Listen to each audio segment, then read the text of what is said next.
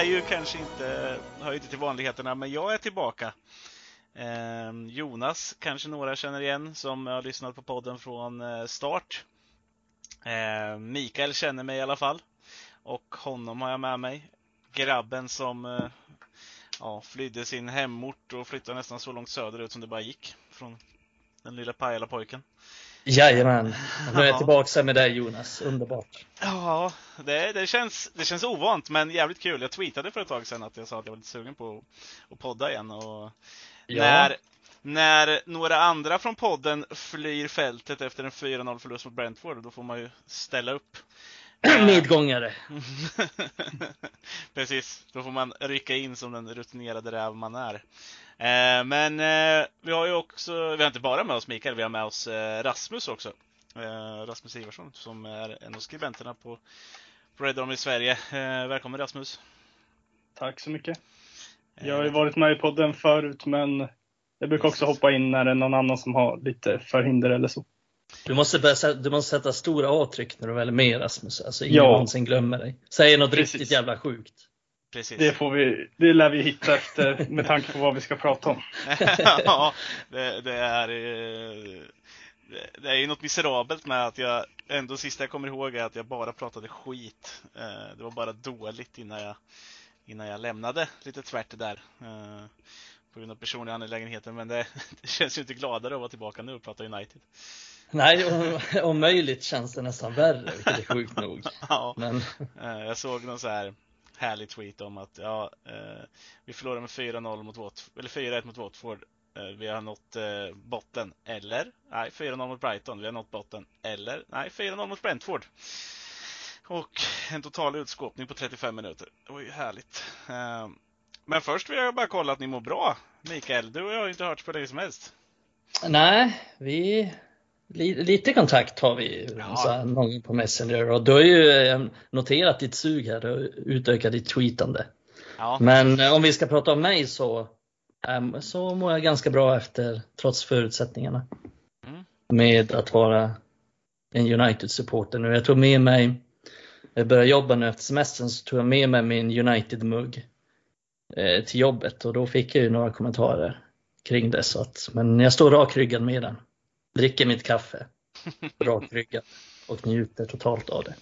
Ja, eh, jag bytte jobb här nu första augusti så det kanske är därför jag är lite gladare. Nu jobbar man raka veckor och 8-17 eh, och har min United-kopp och min United-vattenflaska och skrattas åt dagligen. Men det, det får man väl bara lida med, tänker jag. Det är motvind som draken lyfter, som man säger. Precis. Rasmus då, har du gjort något annat kul än att tänka på Brentford? Ja, jag har tänkt mycket på United faktiskt och sen är det, miss, sen är det miserabelt varmt i min lägenhet så det är mm. väldigt mycket som plågar mig just nu. Men eh, det är vad det är. Det blir säkert bättre i oktober när det är mörkt ute och United har börjat vinna matcher igen. Fram till dess får man väl bara genomlida misären. ja, uh, jag har tre sådana här portabla eh, typ luftfuktare som kyler luften som står igång här inne. Eh, det är något enormt kvavt. Eh, och suttit på ett kontor också där tydligen ventilation valde och eh, eh, ta livet av sig under dagen. Så det, var, det var kul. Det gjorde United och gav upp. Ja, precis. eh, gissa vart jag ska imorgon förresten. Eh, eller ja, jag drar ikväll redan. Eh, efter vi har gjort i ordning det här. Manchester. Pajala. Stockport. Nej, jag ska till eh, en kommun som i alla fall för några år sedan hade en av de bästa kommunslogansen som fanns. det var ingen bra ledtråd. Du känner igen några slogans. Nej, jag tycker sådär är lite kul. Men eh, jag är tokig i Säter.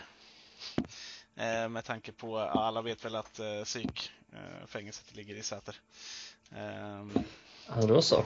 Ska ja. det bli inlagd? Ja, man ska ju Sim. tro det. Uh, jag ska bo på Säter stadshotell och sen vårt huvudkontor ligger i ett litet uh, härligt uh, gryt som heter Vikmanshyttan.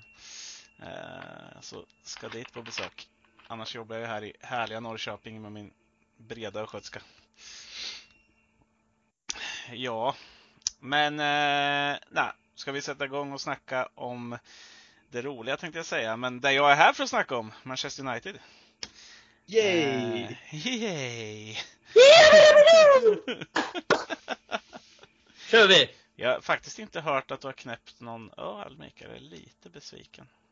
Han det... jobbar på skolan nu. Exakt. Ja, det är ju fortfarande så att man borde ha det. Jag tänker Adam är ju inte här för att han sitter fast hos eh, SOS eh, i Katrineholm där då. ja, det är därför han inte är med.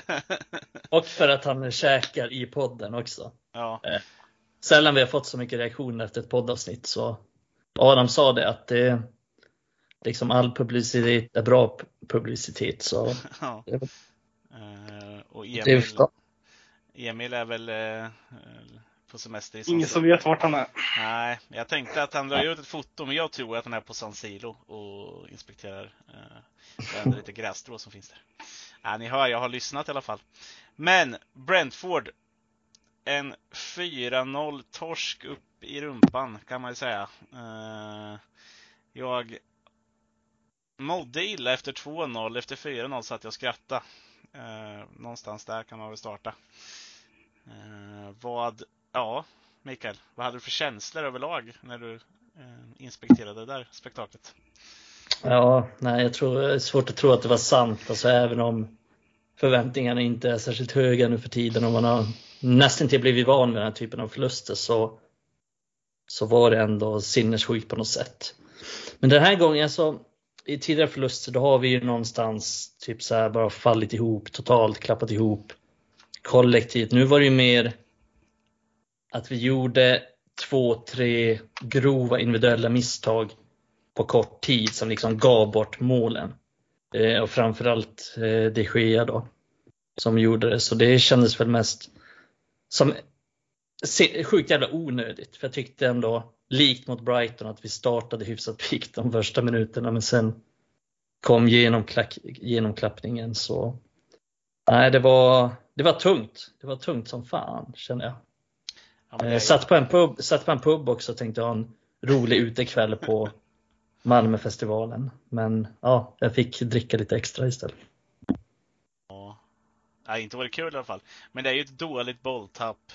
Ett halvdant avslut och en eh, jättetavla utav de Gia. Sen känns det som att huvudena hänger ja, längre ner än marken liksom på, på alla spelare. Det är ju ett total haveri efter 1-0. Det var ju så påtagligt också att, ja men just det du säger att spelarna inte har någon, alltså de är inte påkopplade.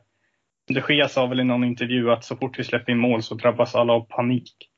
Det blir så extra tydligt när man bara, alltså man bara kollar på spelare och det enda man, om vi säger att man går in med inställningen, det enda jag ska kolla på är hur den här spelaren reagerar. Då reagerar de knappt. Det är som att, ja oh, shit nu ligger vi under, nu, vad fan ska vi göra, vi kan inte göra någonting och sen blir det bara ännu värre.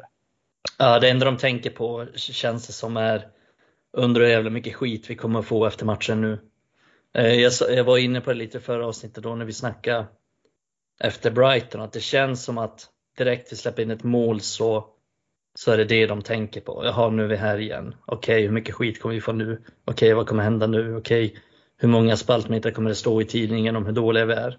Liksom det är den reaktionen direkt vi släpper in ett mål istället för att ja, men, eh, ta Liverpool som exempel. De är en man mindre, ligger under, men liksom har ändå de har ju den här moralen och den här tron och den här attityden som United hade under Ferguson att man aldrig ger upp, att man alltid tror att man kommer vinna.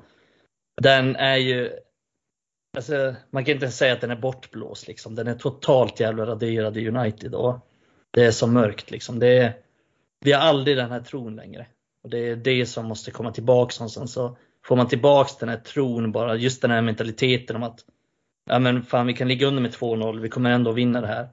Då kommer det ge jävligt mycket tror jag. Alltså bara man får den, Få den mentaliteten in i laget igen. Men det verkar vara jävligt svårt med det här gänget Ja alltså det är ju någonting och just det här med att våga lita på varandra också. Alltså jag tror det är lite så här att man har ju pratat mycket om de Gia och om det var rätt det här med att skicka Henderson och allting sånt. Och den diskussionen kan man ju hålla 70 gånger om. Den vet jag att vi höll även när jag huserade i podden liksom. Och det, någonstans så, så slutar man ju lita på varandra. Det, det, liksom, det bara sjunker ihop. Man tror inte att man klarar av det som grupp överhuvudtaget. Uh, och, och, frustration och ja, dåligt självförtroende. Allting bara rasar rakt ner i, i backen. Och de Gea är ju i den här matchen den som sätter igång allt sånt. Det är ju en fantastiskt dålig insats på första målet och eh, andra målet är han ju lika inblandad som Eriksen är. Eh, även om jag mm. tycker att Eriksson kanske med hans skicklighet borde lösa den situationen ändå. Men ja. Ja, men det är bland de sämre liksom, så här, individuella prestationerna av en målvakt man har sett på länge. Han, han är ju liksom, han är ju direkt det är direkt hans fel, två, två av målen. Och sen är han ju inte bra liksom på, på den här på den här hörnan eller vad det är som det också blir mål på till slut. Eh, så det är, nej, det är en eh, extremt jävla svag insats. Ja, och, och eh, man tittar på det också så här. Det är ju inte så att vi har en annan målvakt i, i truppen ens nu som, som skulle göra det där bättre. Ja, det är klart att jag tror inte Hiton hade släppt in det första målet, men det tror jag inte någon knappt hade gjort. Ja, inte du heller. Nej, alltså det, det, är ju nästan svårare att släppa in det än, än att ta det. Han kunde ha stoppat det med foten om han hade velat. Eh, men men Hiton hade ju inte varit bättre till exempel i spelet med fötterna. Eh, om vi säger så. Nej. Om det sker nu var dålig där. Liksom. Eh, så, så det blir ju... Nej precis, det är det som är, det är, det som är lite svårt också. Att vi är i en situation där okej, okay, man kan sätta in Hiton, men Hiton är inte bättre på det spelet. Det är det som är problemet med de Gea. Att han är ju för dålig med fötterna, han är för dålig på att dominera sitt straff, han är för dålig på att komma ut, han är för dålig på att kommunicera. Och Hiton är inte, han är inte direkt bättre på de sakerna, han är snarare med fötterna till och med ännu sämre skulle jag säga. Eh, men ja, det är svårt när man väl har lånat ut Henderson för jag är ganska övertygad om att, eller jag vet det ganska säkert om att Henderson är ju bättre på de sakerna. Sen kanske inte Henderson i grunden är en lika bra skottstoppare som de Gea, men om vi ser till den här matchen bara, eller första matchen, liksom, då har inte det spelat någon roll. Han har ju snarare varit rätt dålig som skottstoppare till och med. Eh, så man kan ju verkligen argumentera för att Henderson hade gjort det här laget bättre, men nu blev det som det blev och vi får leva med det i den här säsongen.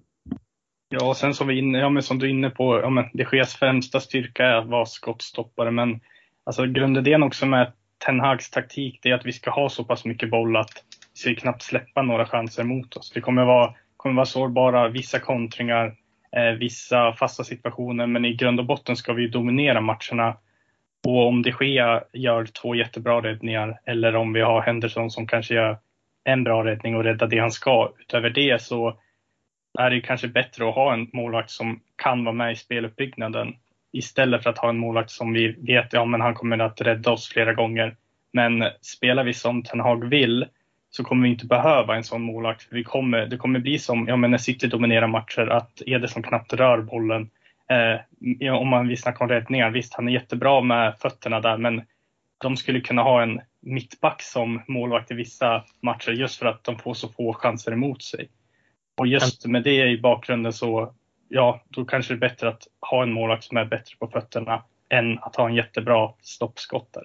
Ja men exakt och sen är han ju bra på vissa typer av räddningar. Han har ju jävligt bra reflexer, liksom, är, är bra på den typen av, av räddningar. Men om vi bara tar så här rena frilägen så är han ju inte särskilt bra.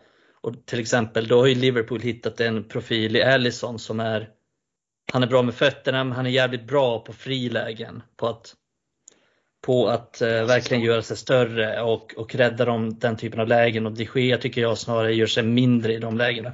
Tycker, han är inte särskilt bra på rena frilägen.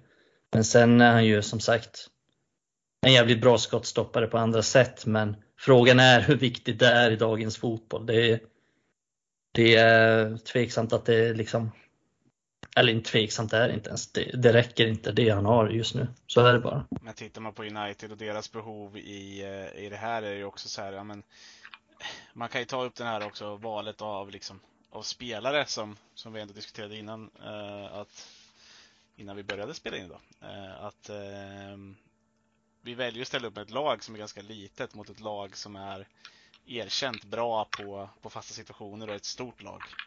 Alltså Ivan Tooney, eller Ivan Tooney är inte jättestor men han är väldigt bra på huvudet och, och eh, en, en bufflig spelare. Och väljer ändå att sätta Fred och, och Martinez på plan till exempel eh, i en sån match. Eh, jag förstår att det i, i eh, Ten Hags taktik eh, ingår att till exempel ha en spelare som Martinez som är väldigt mycket bättre med boll som mittback än, än många av de andra alternativen. Eh, framförallt när eh, Lindelöf inte är tillgänglig heller. Eh, men då att välja Fred framför McTominay, hur mycket alla andra än hatar McTominay, så i den här matchen så hade jag ju hellre sett honom än Fred i, på grund av det här fysiska spelet. Um, när man ska mm. välja spela på det här sättet. Och, och det påverkar ju även eh, när vi kommer ner till målvakten sen, att vi inte har en målvakt som inte heller kan dominera straffområdet. Han är ju nästan aldrig ute och plockar ner ett inlägg, han är aldrig ute och plockar ner en hörna. Eh, någon gång han är ute så, så boxar han ju bort den i så fall. Liksom. Ja, men det, jag tycker du har en relevant poäng där, eller intressant, intressant poäng i alla fall. Eh, jag kan tycka, alltså, jag har inget problem med det egentligen, för under Mourinho och Ole så anpassar vi oss väldigt ofta till motståndarna och, och eh, ja, man kan säga att det gav säkert till viss del bättre resultat på kort sikt. För Ser man bara så resultatmässigt i ligaspelet så gjorde ju det Ole och Mourinho det ganska bra, men de var ju också mer pragmatiska, mer defensiva, kanske spelade på truppens styrkor. Men eh, jag, jag tror väl att det är inte hållbart i längden. Jag tänker ändå att ja, men vi är Manchester United, vi ska fan inte anpassa oss efter Brentford. Det är de som ska anpassa sig till oss. Och sen kommer det vara så här att vi, vi kommer göra misstag, speciellt i början av av sessionen med Erik Ten Hag, men jag tror att i längden så är det det rätta att göra och jag tänker ändå att han måste hålla fast vid det han tror på. Och vid de spelarna han tror på, det spelsätt han tror på. Så jag köper ändå att han gör det, även om det innebär en förlust här istället för ett oavgjort eller någonting. Ja, problemet jag ser i det är till exempel att man, alltså Fred har inget problem med, alltså så, jag kan köpa det där och att han kanske ser att eh, jag ser väl också att Fred är en bättre spelare än McTominay överlag, men eh, Martinez till exempel, han är ny. Eh, hade väl en helt okej okay match mot Brighton, men lite tufft ändå. De, varken han eller Maguire kunde ju ens hantera Danny Welbeck och jag ser väl både Mbuemo och Tony som, som bättre spelare än Danny Welbeck. Så att, eh, det, det kändes lite som att Eh, man satte ut honom lite i skiten här i liksom uppstarten av Premier League. Han är inte van vid det. Eh, är verkligen Brentford rätt lag då? Bara eh, lite min känsla runt omkring det om man bara ska lägga till någon aspekt i det. Rasmus, ja, vad säger du Rasmus? Ja, alltså det är svårt. Just där, ja, men om vi pratar längden på Martinez så alltså Varan har inte fått chanserna varken på försäsongen. Där var han delvis skadad, men han gjorde bara 45 minuter under hela försäsongen. Och ja, det har väl varit ganska tydligt att Ten Hag vill ha Maguire och Martinez på planen och just för att de är bättre i uppspelsfasen. Om det innebär, ja men som nu släppte vi in ett mål efter en fast situation. ben Mee, ja, han, det var inte precis så att han hoppade upp eh, och dominerade Martinez i luften utan det var väl mer en oturlig tillfällighet att just Martinez var där, han ramlade och sen fick han in bollen.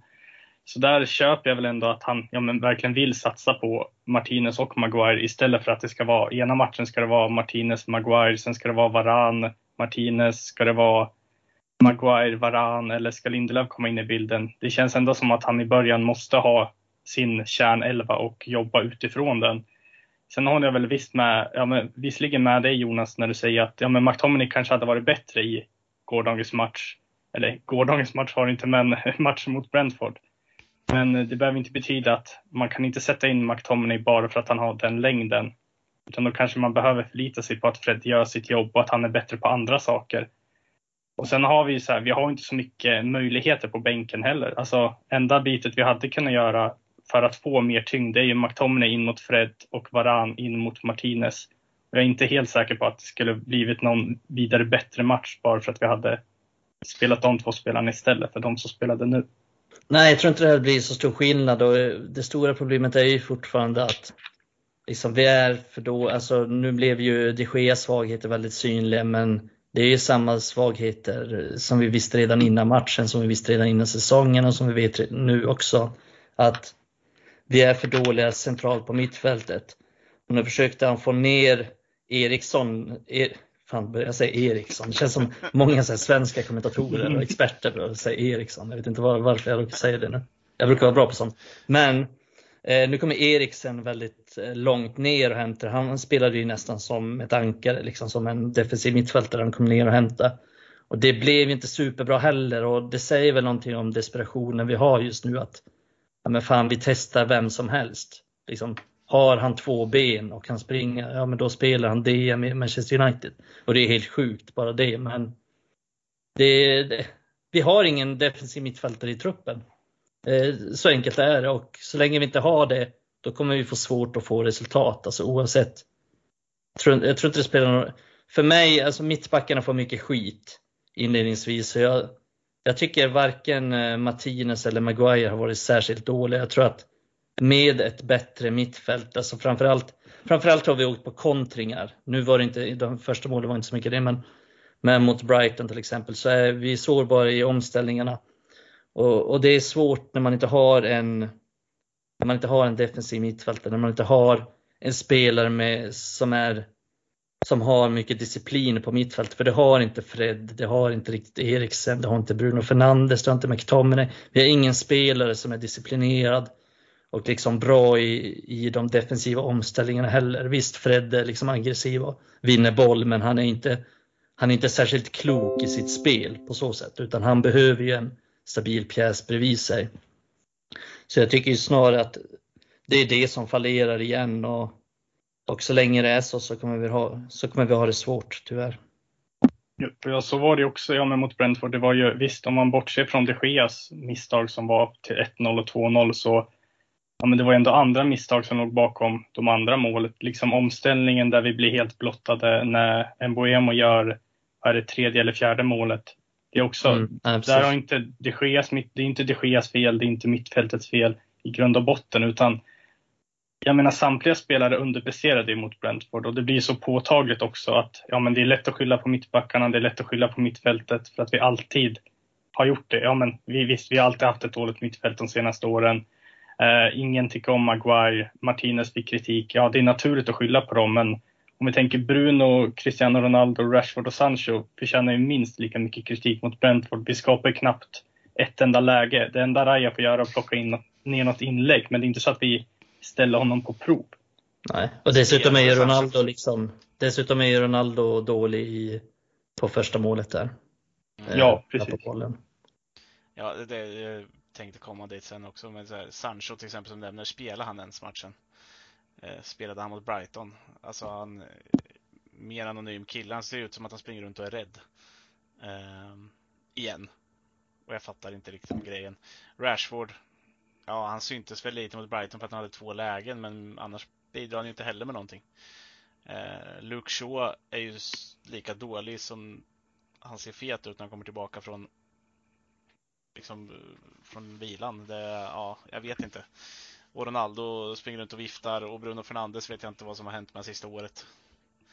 Det händer ju liksom ingenting. Eh, är, det, är det någon jag tycker i hela laget som kom undan med någonting var det jag, jag tror i alla fall, efter att ha sett linjerna under försäsong och allting så, att Dalot gör det Ten Hag vill.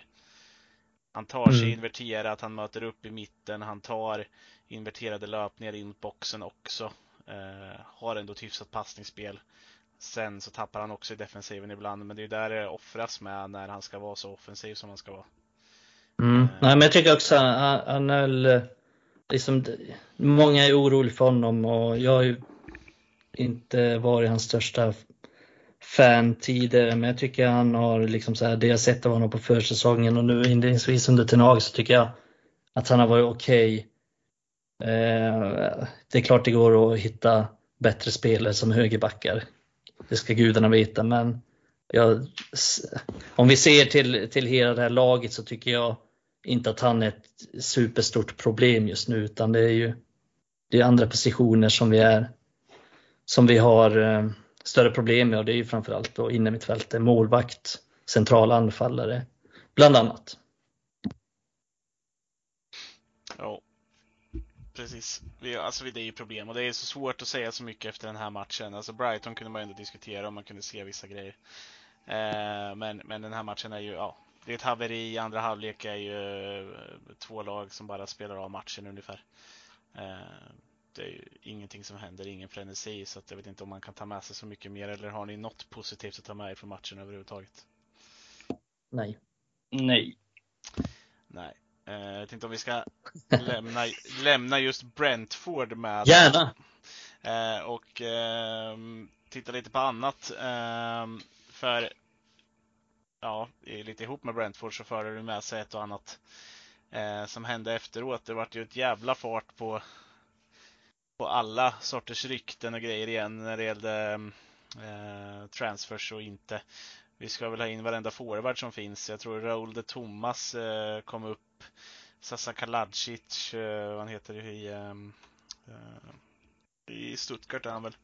Eh, och ja. nu sist är det Mattius Kunja Eh, Atletico Madrid-anfallaren, eller forwarden som, som det pratas om. Det vart ju ett sånt pådrag eh, med alla dessa olika rykten. Rabiot ska, ska ju in och de Jong eh, drog igång igen och det är allt möjligt. Vad, vad, vad får ni ut ur det här eh, tillsammans med kan vi väl nämna också att eh, det kommer massa rykten om, eh, om till exempel Ronaldo. Det läcker ut att han är en Eh, ett virus igen.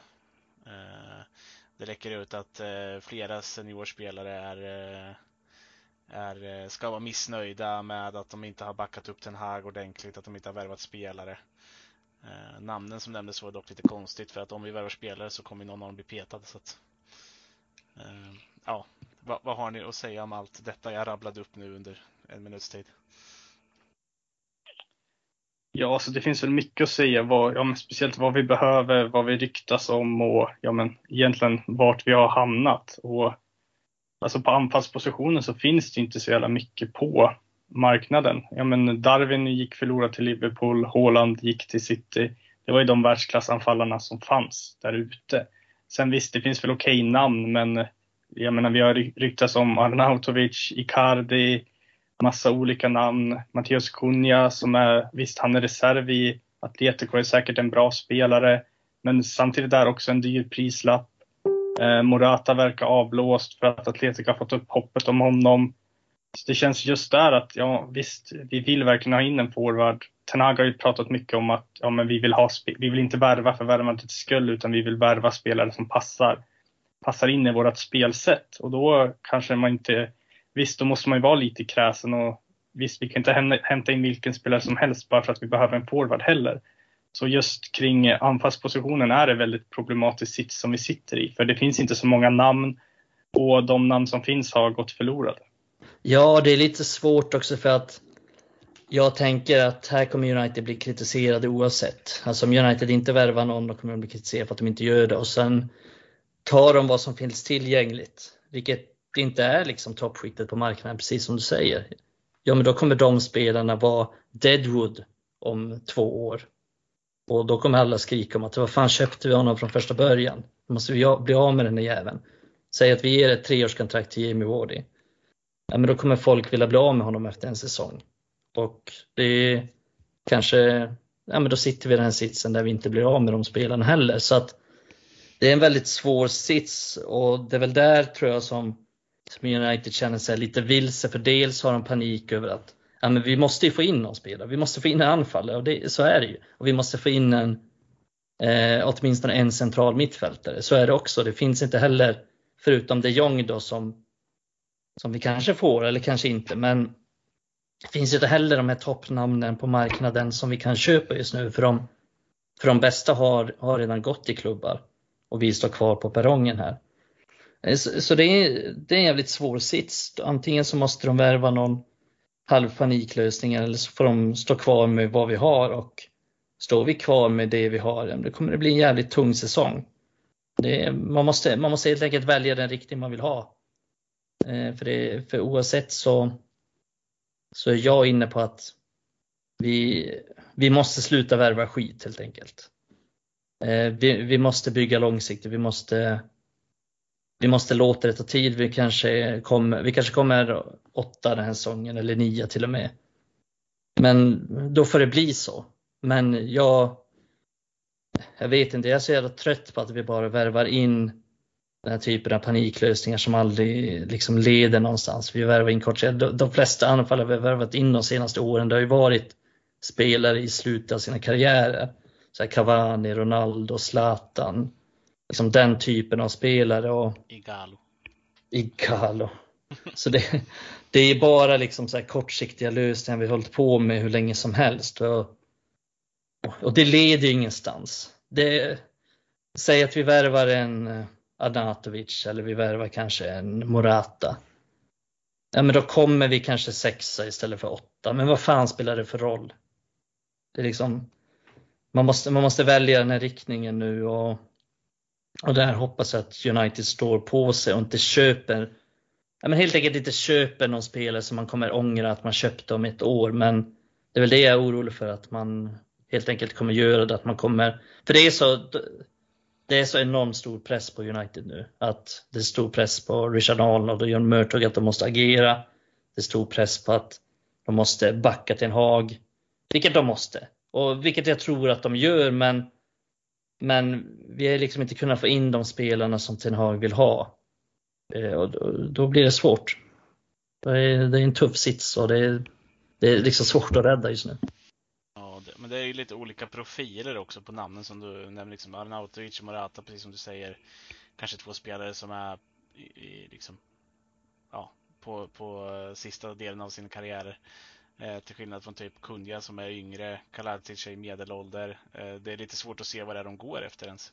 Man, man, eh, Nej, de går ju bara på spelare som är tillgängliga och som eh, vad det verkar också som Ten Hag känner till någorlunda i alla fall. Jag tänker på Anatovic, som jobbade med honom tidigare. Eh, så det är väl så. Det är också en sån konstig grej. Ja, men jobba med honom för hur länge sedan då? Alltså, har han inte sett vad han har gjort sedan dess? Liksom? ja, nej, så är det. det verkar ju ha stängt den luckan ändå. Men liksom, eh, och Morata har väl aldrig gjort något bra i Premier League. Eh, eh så det, det, nej det är så lustiga grejer och jag, jag, håller helt med dig egentligen. Jag vill inte att man värvar fel. Sen måste man värva och, och, man kanske inte kan ta från högsta hyllan men då kanske man får värva något lite yngre, eh, talangfullare från den andra hyllan. Liksom. Ja, men försökte väl det med den här Sesko men mm, men det, inte det var, var väl skrivet i sten att han skulle till Leipzig ungefär. Ja, de hade väl, eh, jag läste i, i The Athletic, eh, de skrev väl det redan ganska tidigt att mm. United har försökt vara men de har, de har haft känslan av att han förmodligen kommer gå till Leipzig och sen typ en månad senare så gick han dit. Mm. Ja, och det är lite det. det vi vet ju inte jättemycket. De vet ju inte jättemycket. Ingen vet någonting. Det verkar bara som att det är Murtog Madness som, som håller på. Eh, och jag kan väl ändå tycka att de tre första värvningarna vi gör är bra värvningar. Eh, bara hoppas att det fortsätter så, att det inte det blir den här paniken. Jag vill inte se jag vill, all heder åt Jamie Vardy, och, eller Vardy och han, att han är en bra spelare, men en spelare som håller max en till två år till i, i Premier League. Eh, men med det så kanske vi kan flytta över på, du säger ju att man inte ska panikköpa och så, nej, men då kanske vi måste ge lite yngre spelare chansen. Eh, vi sitter ju med, med spelare som Garnacho och liknande eh, och en spelare som nu ryktas eh, vara uppe till försäljning i James Garner. Mm. Eh, vad eh, tänker du, du Mikael, vad har du att säga om James och den försäljningen? Liksom? Ja, eh, vi får väl se om det, ja precis, vi får se om det blir av men eh, förstår att det är många som tycker att det är surt, liksom alla vill se ungdomar få chansen. Jag vill också göra det förstås som följer akademin mycket men jag tror någonstans att vi måste andas och se vad som är bäst för klubben eh, och vad klubben behöver just nu. Jag tänker James Garner är ingen, är ingen sexa, han är inget ankare, han är ingen defensiv mittfältare, vilket är vad klubben behöver. Eh, han är heller ingen stor spelfördelare som kan ligga lågt och styra spelet själv, till exempel som, som Carrick kunde många gånger. Eh, han har egentligen inte ens gjort det i The Championship, så så Garner är väl precis som nästan alla våra mittfältare, en allround-spelare som är, som är bäst som en åtta. Och sen kan man fråga sig, är han bättre än Fred? Är han bättre än van der Beek? Är han bättre än Bruno än Eriksson? Fan säger jag Eriksson igen? Helt jävla sjukt. Vad fan är det som händer? Eh, men det är också spelare som kan, som kan spela som åttor. Så, och min liksom bedömning, jag, jag tycker att Garner är en bra spelare, men jag tror ju aldrig att han blir bra nog för att vara en tongivande spelare i ett lag som, som framöver ska slåss om de här CR-platserna. Eh, så jag tänker, får vi 20 miljoner pund för honom så, så är det ju bra. Han blir heller ingen förlust eftersom han blir ingen förlust på så sätt eftersom United har ju aldrig använt honom riktigt. Så att det, det är liksom 20 gratis miljoner in på kontot. Eh, jag tycker väl kanske att United borde ha gjort fler sådana försäljningar om vi tänker på med facit i hand så kanske man borde ha sålt Brennan Williams och Tuan Sebe.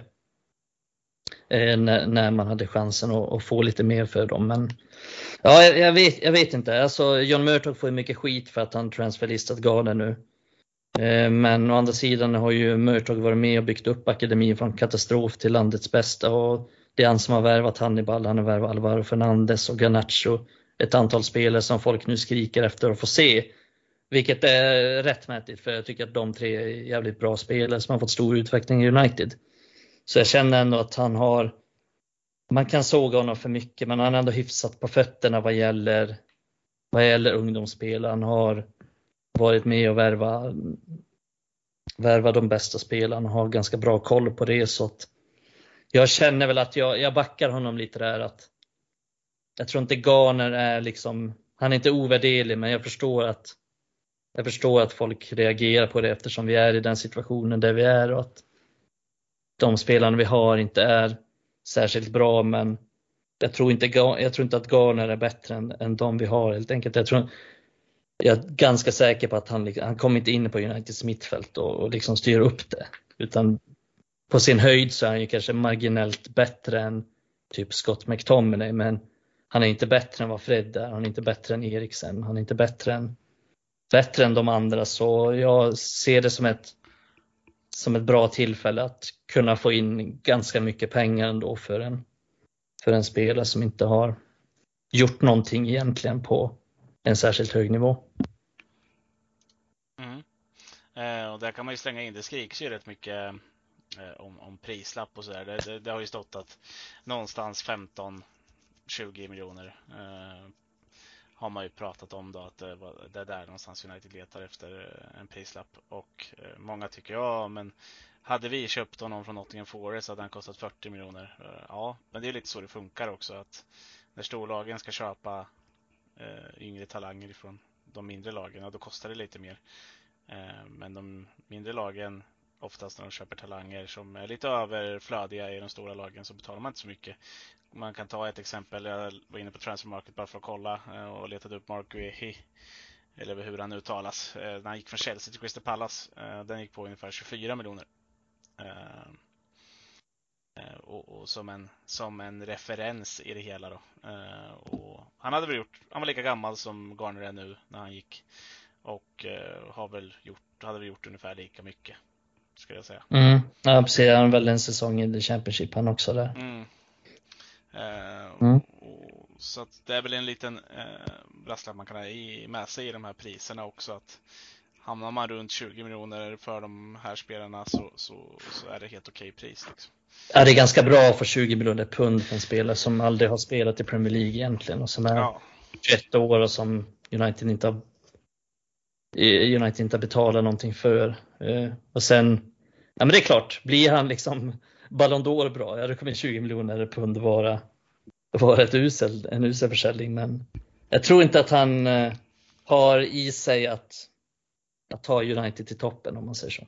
Nej, och en ung engelsk mittfältare får man ta med sig också. Det är skillnad med Alejandro, typ Alejandro Garnacho.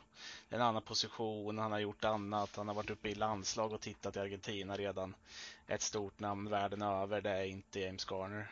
Eh, om man ser det så. Så att det skulle ju kosta mer för en klubb att försöka köpa loss Garnacho än vad det skulle kosta att köpa loss eh, James Garner, högst troligt.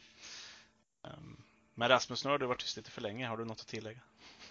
Alltså, jag vet inte om det finns så mycket att tillägga, men alltså, spontant känner jag att 20 miljoner för Garner, det är ett väldigt bra pris om man nu kan få 20 miljoner. Mm. Men får man 15 så visst, det är okej okay också. Det skiljer inte så mycket, men jag är lite inne på Mickes spår. Jag kan nog se honom ha en framtid i United, men som kanske en rotationsspelare. Men jag har svårt också att se att han, men när United är fulländat om två, tre säsonger förhoppningsvis. Ja, men om vi ser att United skulle fungera, har de värvningar de har, har ett topplag om tre säsonger, så har inte Garner en plats där enligt mig. Då kanske han sitter på bänken. Då kan man ju lika gärna ha ja, men typ McTominay på bänken eller en liknande spelartyp. För då är det bättre att ta de här 20 miljonerna som man kan få nu. Mm. Eh, precis, och sen som jag sa innan så hade det varit skillnad om han hade varit en spelartyp som United var i desperat behov av, men han är ju ungefär samma typ av liksom, spelare som, de, som alla de andra är. Det hade varit skillnad om han var en renodlad defensiv mittfältare. Jag hade också tyckt det var konstigt om man, om man sålde honom. Men förmodligen så hade man inte sålt honom om så var fallet. Nej, det är sant. Eh, Ja, vi ska väl prata vidare lite efter det här. Jag tänker vi avslutar Garner-kapitlet där. Men eh, först så ska vi tre i alla fall få ta en liten eh, paus.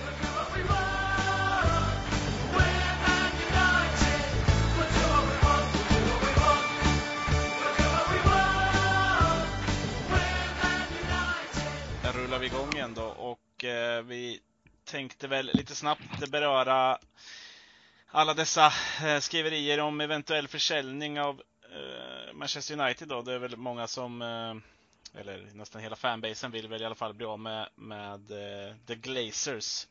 Dessa inkompetenta saker som eh, som på något sätt eh, eller annat sätt alltid lyckas få Eh, alla blickar mot sig och inte på ett positivt sätt.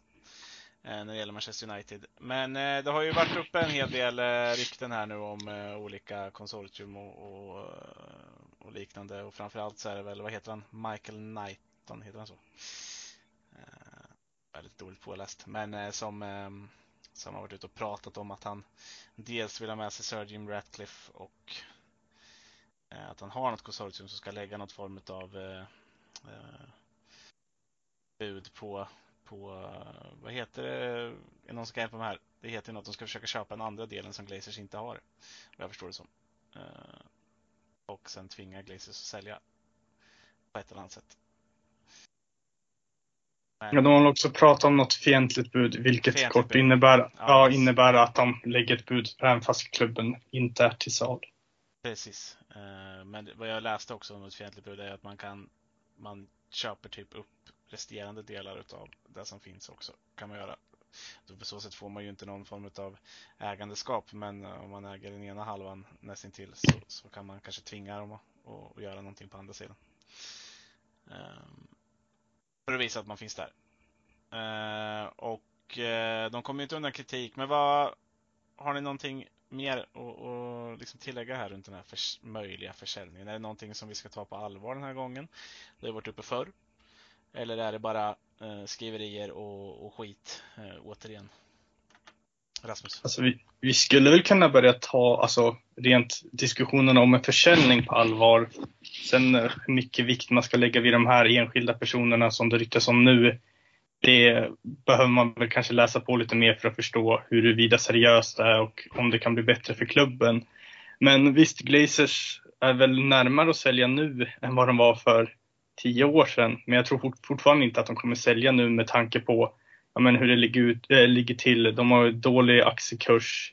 United är i botten. De vet att de kan få ut mycket mer pengar av United i framtiden. Sen har de ju sina andra klubbar som de äger. De äger väldigt mycket annat än Manchester United. Så de är inte, det är inte så att United är deras enda inkomstkälla. Så på så sätt tror jag inte att de kommer att välja att sälja under den här säsongen. Men visst, de skulle absolut kunna sälja inom de kommande 5-10 åren. Men jag personligen tror inte att de skulle sälja nu, under den här säsongen i alla fall. Nej, uh, ja, man har väl kunnat tro ganska mycket, men oavsett om de säljer eller inte då, skulle det bli, ja, vad skulle bli bättre och skulle något bli bättre? Nej, det, ja, det, ja, det får man ju se, men om vi ser ur Glazers synvinkel så är det ju så länge de liksom United går ju kommersiellt lite sämre med tanke på, på att resultaten har varit så dåliga de senaste åren. Men, men så länge Glazer tjänar pengar på det så tror jag också att de kommer sitta hyfsat lugna i båten. Alltså problemet är ju med Glazer att ja, men, de satsar inte på United.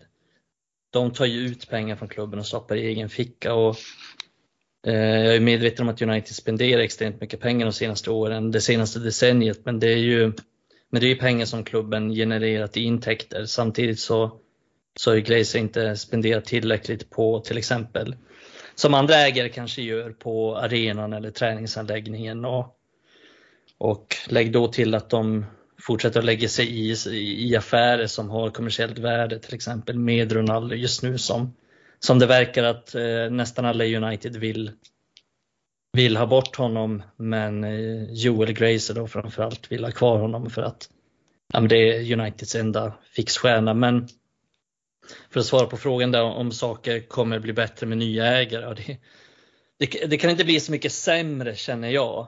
Men eh, sen, eh, sen är det svårt att svara på hur mycket de skulle spendera och sådär. Men det är väl eh, det kan Rasmus svara bättre på eftersom han är det ekonomiska geniet av, av oss två. Jag kan knappt 5 plus 5.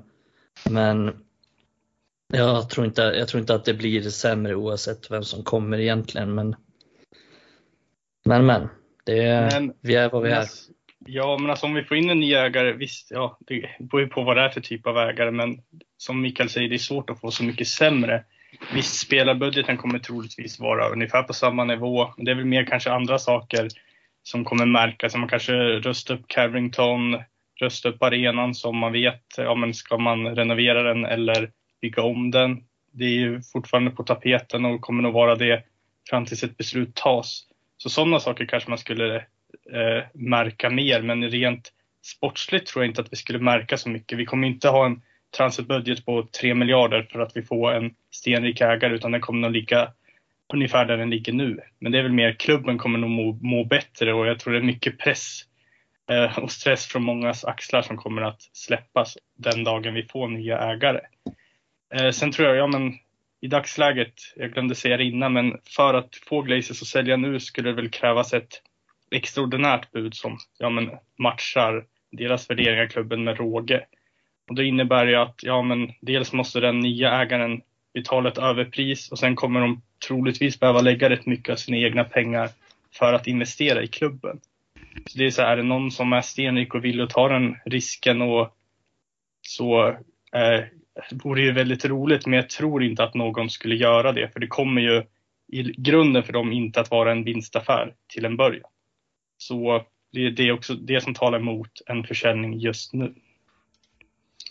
Ja, uh, uh, ja, vi behöver väl egentligen inte vidröra där så jättemycket mer. Vi kan inte säga bu eller bä om, om vilka som är inne eller inte. Vi kan väl säga att uh, Michael, han som, Michael Knight som har pratat mest har inte de pengarna själv. Är det någon som skulle kunna ha pengarna så, så är det ju han som höll på att köpa Chelsea. Uh, Sir Jim Ratcliffe. Har ju ett kapital. Elon Musk har massa pengar. Ja, han fick jo. inte köpa Twitter, då kan ju köpa United. ja, det vet jag inte om det hade blivit bättre. det hade varit spännande att följa. Mycket snack i alla fall hade det varit. Ja, det hade det. Uh, United hade synts. Uh, kanske inte på den positiva delen, men uh, hade ju kopplat samman med Elon Musk. Ja, det hade varit... ja, men det är ju bättre än Glazer som går och gömmer sig. Ja. Så kan vi skicka lite folk till rymden också. Och... Med hans SpaceX. Att ta med fan Bisaka dit. Ja. och jag måste säga att Glazers kan vara de som ser fulast ut på det här jordklotet också. Eh, Riktigt stygga. Ja, det, det är inte vackert. Det är, värre, det är värre, värre att se dem än att höra Adam äta i podden. Jag tyckte det var lite trevligt. Det gjorde lite mer mysigt när man satt där och lyssnade i bilen eh, på väg till jobbet. ja, det får stå för dig. Ja, det får stå för mig. Uh, vi, ja, det är väl det om det i alla fall. Möjligt ägarbyte. Vi får väl se vad som händer. Uh, går ju att följa. Är man någorlunda inne på Twitter så missar man väl inte alla skriverier om sådant. Uh, men vad som väntar oss då Eh, är ju ett möte mellan två klubbar som eh, faktiskt är nere i botten båda två till viss del. Eh, vi ska ställas mot de bittra rivalerna från Andersen Merseyside, Liverpool.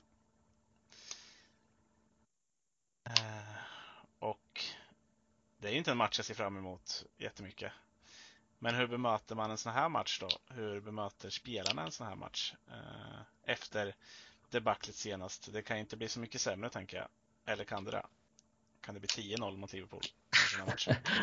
ja, nej, säg inte så. Nej, men alltså, det ska faktiskt bli intressant att se hur United tar sig an matchen. Eh, riktigt ångestmöte för båda lagen egentligen, men där Liverpool åtminstone, att, ja, men trots poängtappet senast så var de väl ändå hyfsat bra med tio man stora delar av matchen. Eh, så jag tror väl att om United gör samma typ av misstag som man har gjort hittills den här säsongen, då kommer man bli ganska hårt straffade. Eh, så, så allt beror ju liksom på hur, hur väl det fungerar, hur väl vår uppspel fungerar, hur mycket, hur mycket risker vi, vi vågar ta i, i uppspelsfasen. Till exempel ta den här de Gea-passningen till Christian Eriksen senast. Vågar han slå den mot Liverpool? Eller få, vad får han för instruktioner framförallt? Får han instruktioner att slå den? Det tycker jag också kommer vara en intressant sak att se hur, hur strikt eh, Ten Hag är med sin spelfilosofi. Och nu vet vi sen till att Ten Hag kan ju vara flexibel i, i sitt spel. Han är inte som, han är ingen Pep Guardiola som spelar på exakt samma sätt oavsett vem man möter, utan även om man har en proaktiv spelstil och vill liksom bygga upp från målvakt Eh, så, så, är han ändå, han kan ändå vara ganska flexibel i, i olika system, i olika, i olika sätt att spela. Men det tycker jag ska bli mest intressant att se hur, hur mycket han hur mycket han instruerar dem att, att våga slå de här passningarna för Liverpool är kanske det värsta laget att möta i, när man gör den typen av misstag. Mm. Rasmus, du hade en tanke med tanke på olika spelsätt och sådär. Eh, eh, rörande, ska man spela 4-2-3-1 i den här matchen eller? Du, du hade lite intressanta tankar kring, kring kanske annat, eh, som kanske en fembackslinje eller liknande. Jo, men jag var väl inne på det lite innan. Ja, men man pratar alltid om, ja men visst, nu skulle spelarna anpassa sig efter Erik Tenhags taktik, men nu har vi sett att det verkligen inte fungerat. Speciellt, eh, ja men avslutande tre matcherna på försäsongen var rätt usla och både Brighton och Brentford var ju detsamma. Så det skulle kanske vara läge att testa något nytt. Jag tror att vi kommer få svårt om vi spelar 4-2-3-1 med de spelare som spelade mot Brentford. Det gäller väl även om vi skulle göra ett eller två byten så kommer mittfältet fortfarande vara ett problem. Det jag väl lite känt är väl att ja, men, vi har ju material för att spela en fembackslinje. Då tänker jag väl spontant kanske Dalot, Malaysia eller Shaw på varsin kant, sen Martinez, Varan och Maguire. Och sen kanske man har råd att ha ja, men Eriksen, eh, Fred och McTominay på ett mittfält och sen får man väl laborera med de två offensiva platserna. Men jag tror att det skulle kunna bli bättre för vi vet också att vi kommer få mycket kontringar mot Liverpool för att de spelar väldigt offensivt. Jag menar, de har ju, Trent är ju inte en högerback i Liverpool egentligen. Han spelar ju offensiv mittfältare eller högerytter. Robertson är också väldigt offensiv. Så det kommer ju finnas möjligheter att kontra, men jag tror inte att vi kommer att klara av matchen mot Liverpool med samma uppställning som mot Brentford för att Liverpool kommer plöja igenom oss och vi kommer inte klara av att spela oss ur deras press. Jag, jag, tror, jag tror mycket väl du kan ha rätt där Rasmus, alltså, du har bra tankar. Samtidigt så är jag lite skeptisk för jag tänker att vi måste låta Ten Hag nöta, nöta in sitt sätt att spela och jag tror att, eh, att det finns en risk i att om man börjar gå ner på fembackslinjen, kanske spela bara på kontring liksom och sen skita, han nej, säger att han släpper helt liksom på sina uppspelsprinciper och, och på andra principer, då tänker jag att det kan liksom, då går han ifrån vem han är. Förstår ni vad jag menar? Jag tror att, ja det kanske är så att eh, en fembackslinje är bättre med nuvarande trupp. Men är det det bästa för United på lång sikt? Jag vill ändå hävda att det inte är det. Jag vill ändå hävda att vi måste spela, han, måste våga tro på sin idé och låta det få ha sin gång. Eh, sen är det ju så att eh, ja, men han, han har inte riktigt fått spelarna till det och då kommer vi in på Glazers igen, att de är, de är inte så ambitiösa med United. De kommer liksom inte slänga tio spelare som Pep Guardiola fick i City. För Pep Guardiola började ganska dåligt i City och då fick han frågan till exempel om att ja, men kommer du överge dina principer nu? Ni har varit lite för naiva, ni har förlorat stort och ni har tappat boll i uppspelsfasen. Och då sa Pep bara nej. Vi kommer inte överge det. Vi kommer fortsätta spela som vi som vi gör. För det är enda sättet vi, vi kommer spela på. Och ja, men vi kan ju historien. Han fick 10-20 nya spelare i princip. Och med Citys backning så kan han ju få det. Men när han väl har fått in sina spelare, ja men då har, då har allting satt sig. Och det är det vi måste göra med Ten Hag. Vi måste ge honom förtroende att spela det spel han vill spela. Men framförallt måste vi ge honom spelarna så att han kan implementera sitt spelsätt. Och ja, nu är det Liverpool, jag förstår att det är en speciell match och liksom, vi kan skita i allting bara vi tar poäng, bara vi vinner. Men hade det varit, så jag kan köpa det, det du säger. Det, men hade det varit en annan match då hade jag bara känt att nej, han, han måste fortsätta spela så som han gör och även om man inte har fått in alla spelare han vill ha så måste vi fortsätta på den vägen för det, det är vår enda väg framåt tror jag. Annars så står vi och stampar med det här att ja, men det är, vad är det nu, tre år sedan vi vann borta mot City på en kontringsfotboll. Men vi har liksom, vi har inte tagit steg mot att bli ett bättre lag ändå, även om vi vann den matchen. Och även om vi vann fler matcher mot City så är vi fortfarande ett, ett för dåligt fotbollslag. Jag tror att någonstans måste vi bestämma oss för att vi kanske förlorar fem raka matcher, vi kanske förlorar fyra raka matcher, vi kanske vinner två av de tio första matcherna, men bara vi tror på någonting igen, bara vi följer någon riktning, bara vi har en röd tråd i det vi gör, så tror jag att till slut med rätt backning så kommer Ten Hag att bli eh, att lyckas i United helt enkelt. Men det, då får man liksom inte tumma på, på principerna tror jag. Men Nej, precis. Det blir ändå lite återkommande. Ja, men som du var inne innan, ska man komma sex eller åtta? Ska man tänka kort eller långsiktigt? Så här, så här, ja men visst, eh, jag håller med i det du säger. Det är mycket egentligen för det långsiktiga bättre att ändå fortsätta spela på hans sätt. Det är mer eh, kortsiktigt kanske det skulle vara bättre att riskminimera, riskminimera chansa och spela en fembackslinje mot Liverpool. Men om man kollar på spelschemat efter så har vi ändå relativt lätt. Vi har Southampton borta och Leicester borta eh, samma vecka. Och sen har vi, visst vi har Arsenal borta, men sen har vi Palace och Leeds. Så jag menar, det är ganska bra match att sätt, lyckas sätta spelet. Och det är väl som du säger, jag kan ju köpa det du säger också att det kanske är lika bra att köra på 4-2-3-1 med hans filosofi än att göra drastiska ändringar. För det vet man inte heller. Bara för att man kör en fembackslinje och ett defensivt mittfält så behöver det inte betyda att vi kommer ha en större chans mot Liverpool för den delen heller. Nej, och det behöver kanske inte betyda att han tummar på sina principer heller. Han kanske har en jätteklar idé om att, för han har ju spelat ja, fembackslinje, trebackslinje i Ajax tidigare också, utan att liksom tumma på sina uppspelsprinciper eller på sina, sitt triangelspel. Eh, så det behöver inte betyda det nödvändigtvis, men jag tänker att, att du, du får säga om jag missförstår det, men jag tänker att du menar att vi ska ha mer pragmatisk inställning och bara i princip backa hem och kanske slå långa på Rashford. Och det tror jag också att det är vår, kanske vår bästa chans att vinna den här matchen. Eh, så det är sjukt egentligen att jag inte vill se det, men, men någonstans måste vi liksom, vi har harvat på med det här nu alldeles för länge och jag vet inte om jag orkar ta det längre. Nej, och det kommer ju bli så. Alltså, vi kommer ju inte kunna spela, eller det kan jag säga helt säkert. Spelartruppen kommer nog inte klara, klara av att spela ett 5-3-2 enligt Ten Hags principer, utan då kommer det att bli ett sånt ligga och kontra och hoppas på det bästa. Ja, vi får det... inte glömma att, eh, förlåt för att jag avbryter, men vi får inte glömma att senast vi mötte Liverpool så, eh, så ville ju, så bytte ju Rangnick spelsystem.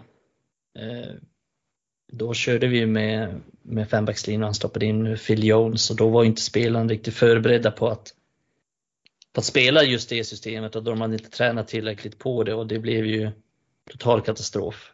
Eh, så det var ju ett felval där. Så det gäller också att spelarna är införstådda med, med, deras roller och det tror jag väl någonstans att de är mer med Ten Hag än med, än med Ragnik till exempel. Men men ändå, det liksom, jag tror att de måste känna någon slags trygghet. Man kan väl ändå vara lite mer försiktig kanske i sina uppspel, även om man spelar fyrbackslinje och har två sittande framför sig, även om ingen av dem fortfarande är en defensiv mittfältare. Ja, det ska också vara, ja men vi var väl inne på det lite inför också, ja men spännande att se hur United eh, kommer att hantera matchbilden med att vi kommer få mer kontringar och inte vara laget som ska ha bollinnehav. Vi har ju haft bollinnehav hela försäsongen vi hade bollinnehavet mot både Brighton och Brentford. Och vi har ju en tendens av att vara ganska eh, dåliga mot lågtstående försvar och mot Liverpool kommer det bli något helt annat. Så det kan också vara en faktor som kanske gynnar United. Så det ska, oavsett spelsätt ska det bli väldigt spännande att se hur vi hanterar en match där vi troligtvis inte kommer ha bollinnehavet. Mm. Nej, precis. Och, jag slänger in en sak där bara, en brasklapp är att jag tror ju till exempel att han skulle passa i den här, uh, eh, den här matchen just, men då Bruno Fernandes är ganska bra på kontringar just. Men uh, när vi tittar mot Brentford, Brighton, alla andra matcher vi spelar så här nu, är det inte en spelare som förstör mer för oss i anfallen när vi spelar handboll runt lag än vad han gör uh, bra ifrån sig. Eh, och ska han verkligen spela då liksom? Även om, om vi nu ska spela eh, Ten Hags spel även mot Liverpool. Jag tror han har lite svårt med eh, när, när han och Ronaldo spelar samtidigt för jag tycker att de upptar mycket av samma ytor och gör ungefär samma saker. Ronaldo kommer ner, droppar ner väldigt mycket, vill ta avslut väldigt ofta. Det finns ju ganska tydlig statistik på det att innan Ronaldo kom så tog Rashford ganska mycket avslut. Bruno Fernandes tog mycket avslut. Eh, Martial kanske tog mycket avslut. Men nu när Ronaldo spelar så tar han majoriteten av avslut och de andra har gått ner i den statistiken och det tror jag beror mycket på att liksom det mesta ska gå genom Ronaldo och det har hämmat Bruno Fernandes en hel del. Men sen vet ju alla som lyssnar på den här podden att jag inte är superförtjust i Bruno Fernandes. Jag tycker att han är rätt överskattad som spelare. Jag tycker han har, han har eh, liksom svårt att värdera lägen och han är slarvig ganska ofta. Eh, men jag tror definitivt att han har påverkats mycket av att Ronaldo upptar samma ytor så han får liksom inte använda sina styrkor, vilket är att vara precis utanför straffområdet och ta skott och komma med instick. Det är, det är det han är bra på.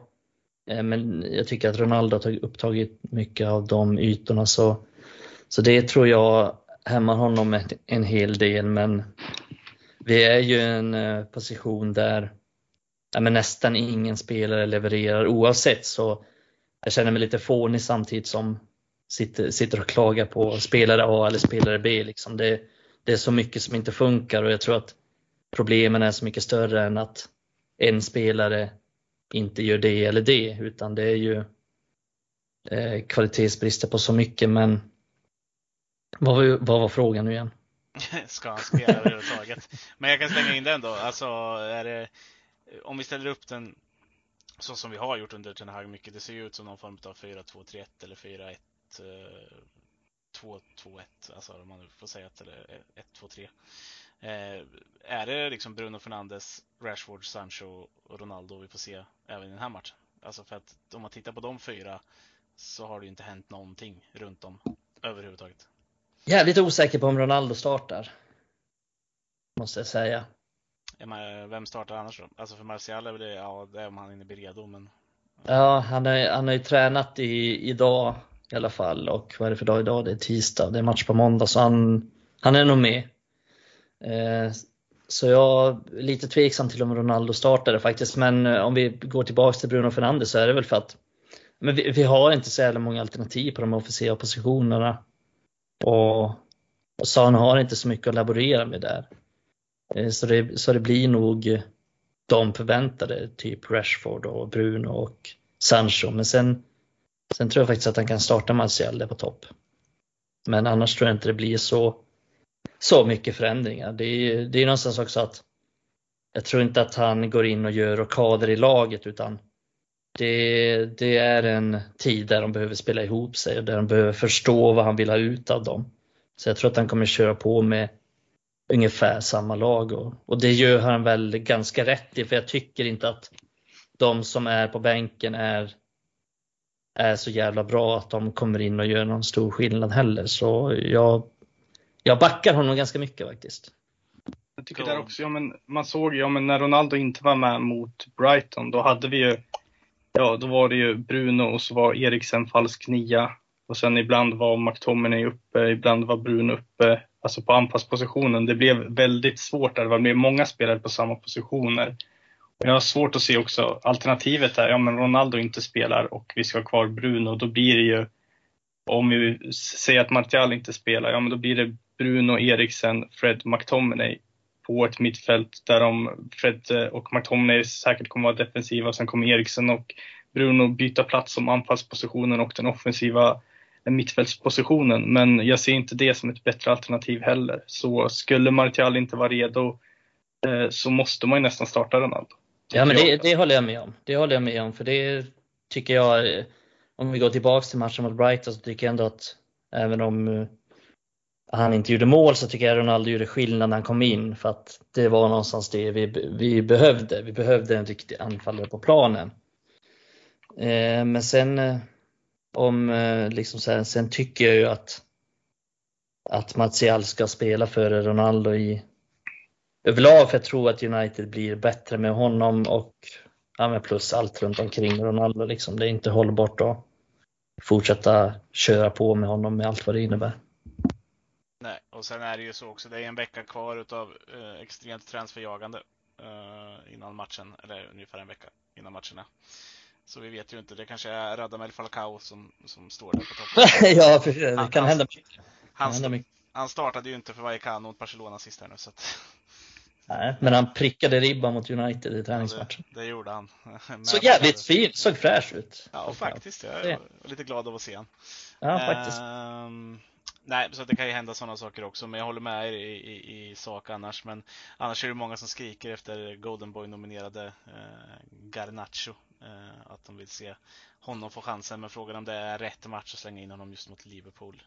Eh, Nej, det är det inte riktigt. Eh, även om han är han är ju typen av personligheten som, som skulle kunna komma in i, i den matchen och liksom göra två mål. Mm. Det är den typen av av personlighet han är. Han trivs ju på den stora scenen och eh, det är bara att se FA Youth Cup eh, så, så gjorde han ju mål varenda gång United spelade på Trafford och liksom stal showen om man säger så. Även om han kanske inte alltid var bäst under säsongen så var han verkligen bäst i de typer av matcher där det gällde som mest. Eh, och det är ju det är väldigt mycket så han är. Och, eh, så nej, ja, det skulle vara en intressant spel att slänga in men han är ju mer av en sån som konkurrerar kanske på, eh, på vänsterkanten snarare än centralt. Och, och på vänsterkanten, ja, vi har jävligt många alternativ där. Så det, det är lite synd. Det är väl eh, effekten av en eh, obalanserad trupp. Åtta vänsteryttrar och en högerytter typ. En halv högerytter för Sancho. Halv högerytter. Sancho har väl också presterat bäst. På, på ja, egentligen. Men han är minst dålig på högerkanten. ja. Eh, ja, men när vi ändå pratar, ja, men när vi ändå pratar innan på sånt, det är också så här, ja, men, ligger vi under eller jagar ett mål så har vi ju, ja men vi kan byta vänsterback, vi kan sätta in Garnacho eller Elanga, men vi har inte så mycket mer offensivt att sätta in på bänken heller. Så när vi väl hamnar i de situationerna så, ja, då förstår man också varför, ja men Sancho och Rashford startar varje match, varför Ronaldo eller Martial är där framme, men det blir också extra viktigt att man ändå hittar en plats för de yngre spelarna, att när de väl kommer in, att de också får spela på rätt position. För Elanga på högerytter, det fungerar inte alls, men nu har han fått spela där för att Sancho har underpresterat, Sancho har varit trött på slutet av matcherna och ja, det är det bästa alternativet på bänken. Så frågan är ju när man ska göra bytena där, att om man kanske ska laborera med någon slags formationsändring där också, men det är ju svårt att säga. Det beror ju också på hur matchbilderna ser ut. Ja, men det är det som är svårt med de unga spelarna vi har. Vi har ju aldrig en riktigt bra miljö att kunna slänga in dem i. Det är som du säger, alltså varje gång vi ska slänga in Elanga, men då blir det på högerkanten för att vi är lite svagare där. Och det är inte optimalt för honom eftersom han är som bäst på vänsterkanten. Och vi har ju ofta den typen av problematik att vi vill slänga in spelare på fel positioner och slänger in dem i dåliga lägen och har ingen, vi har sällan en riktig plan för de unga spelarna som vi har och det är svårt att ta sig in i laget också. Ja. Eh, sista då innan vi kanske rundar av det här. Vad... Eh, vi får väl säga ett resultat. Jag brukar gilla det. Eh, Rasmus, vad, vad blir det mot Liverpool? Ja, alltså önsketänkande så jag skulle typ kunna se mig 2-2 match framför mig. Alltså. Du menar att det är önsketänkande? Du menar att det är ja. önsketänkande att det blir ja. 2 ja. ja, det realistiska är väl att det blir 5-0 i det United vinner med 3-0. Skickar ner Liverpool till the Championship. Klappat och klart. Ja, det det vore extremt trevligt att se United med två torsk mot Brighton och Brentford, en seger mot Liverpool, före Liverpool i tabellen efter tre omgångar. Det hade ju varit eh, något enormt. Eh, men jag, ja, jag vet inte. Ska jag vara realistisk så tror jag Liverpool vinner med 3-1 eller 3-0 till och med. Eh, är jag önsketänkande så, ja, 2-2, 2-1. Ja, 3-0 står vi för. Ja, vi håller inte nollan. Slutgiltigt. 3-0. Ma Martinez nickar in 3-0 på hörna, drar helikoptern framför Jörgen Klopp. Yes. Skallar honom i pungen med längden han har. eh, hade varit något att se. Vinner eh, nickduell mot van Dijk. Fy fan vad Ja. Eh, nej, men eh, jag vill passa på att skicka med sig till och läs de här grabbarnas inlägg på Red Army Sverige. Följ Red Army Sverige på, på Twitter även. Eh, vanliga Red Army Sverige även där. Eh, podden kommer finnas att lyssna på där poddar finns. Eh, mer än så behöver vi väl inte säga. Jag tackar så mycket för att jag fick ställa upp igen Mikael. Det var extremt trevligt och eh, kul att snacka med dig också Rasmus. Även om vi inte har gjort det innan så var det en fröjd för mina öron. Ja, även fast det bara var negativitet men det är Önsketänkande 2-2. Önsketänkande och stoppskottare och Eriksson avslutar Ja, fy fan. Eh, tack så mycket hörni. Gött, gött att vara med. Gött ja. att vara med. Gött att också vara med Rasmus. Gött. Medan de andra grabbarna sitter och glassar. Jag ser att de håller på att skriva tweets på Red Arm Sverige-podden, men de kan inte vara med i podden. Nej, det är för jävligt. Men, men så är det. ja. Medgångarna. Medgångssupportrar finns det gott om. Eh, nej, tack så mycket hörni, så uh, får vi se vilka som är tillbaka här nästa vecka. Bye bye. Hej då. Hej då.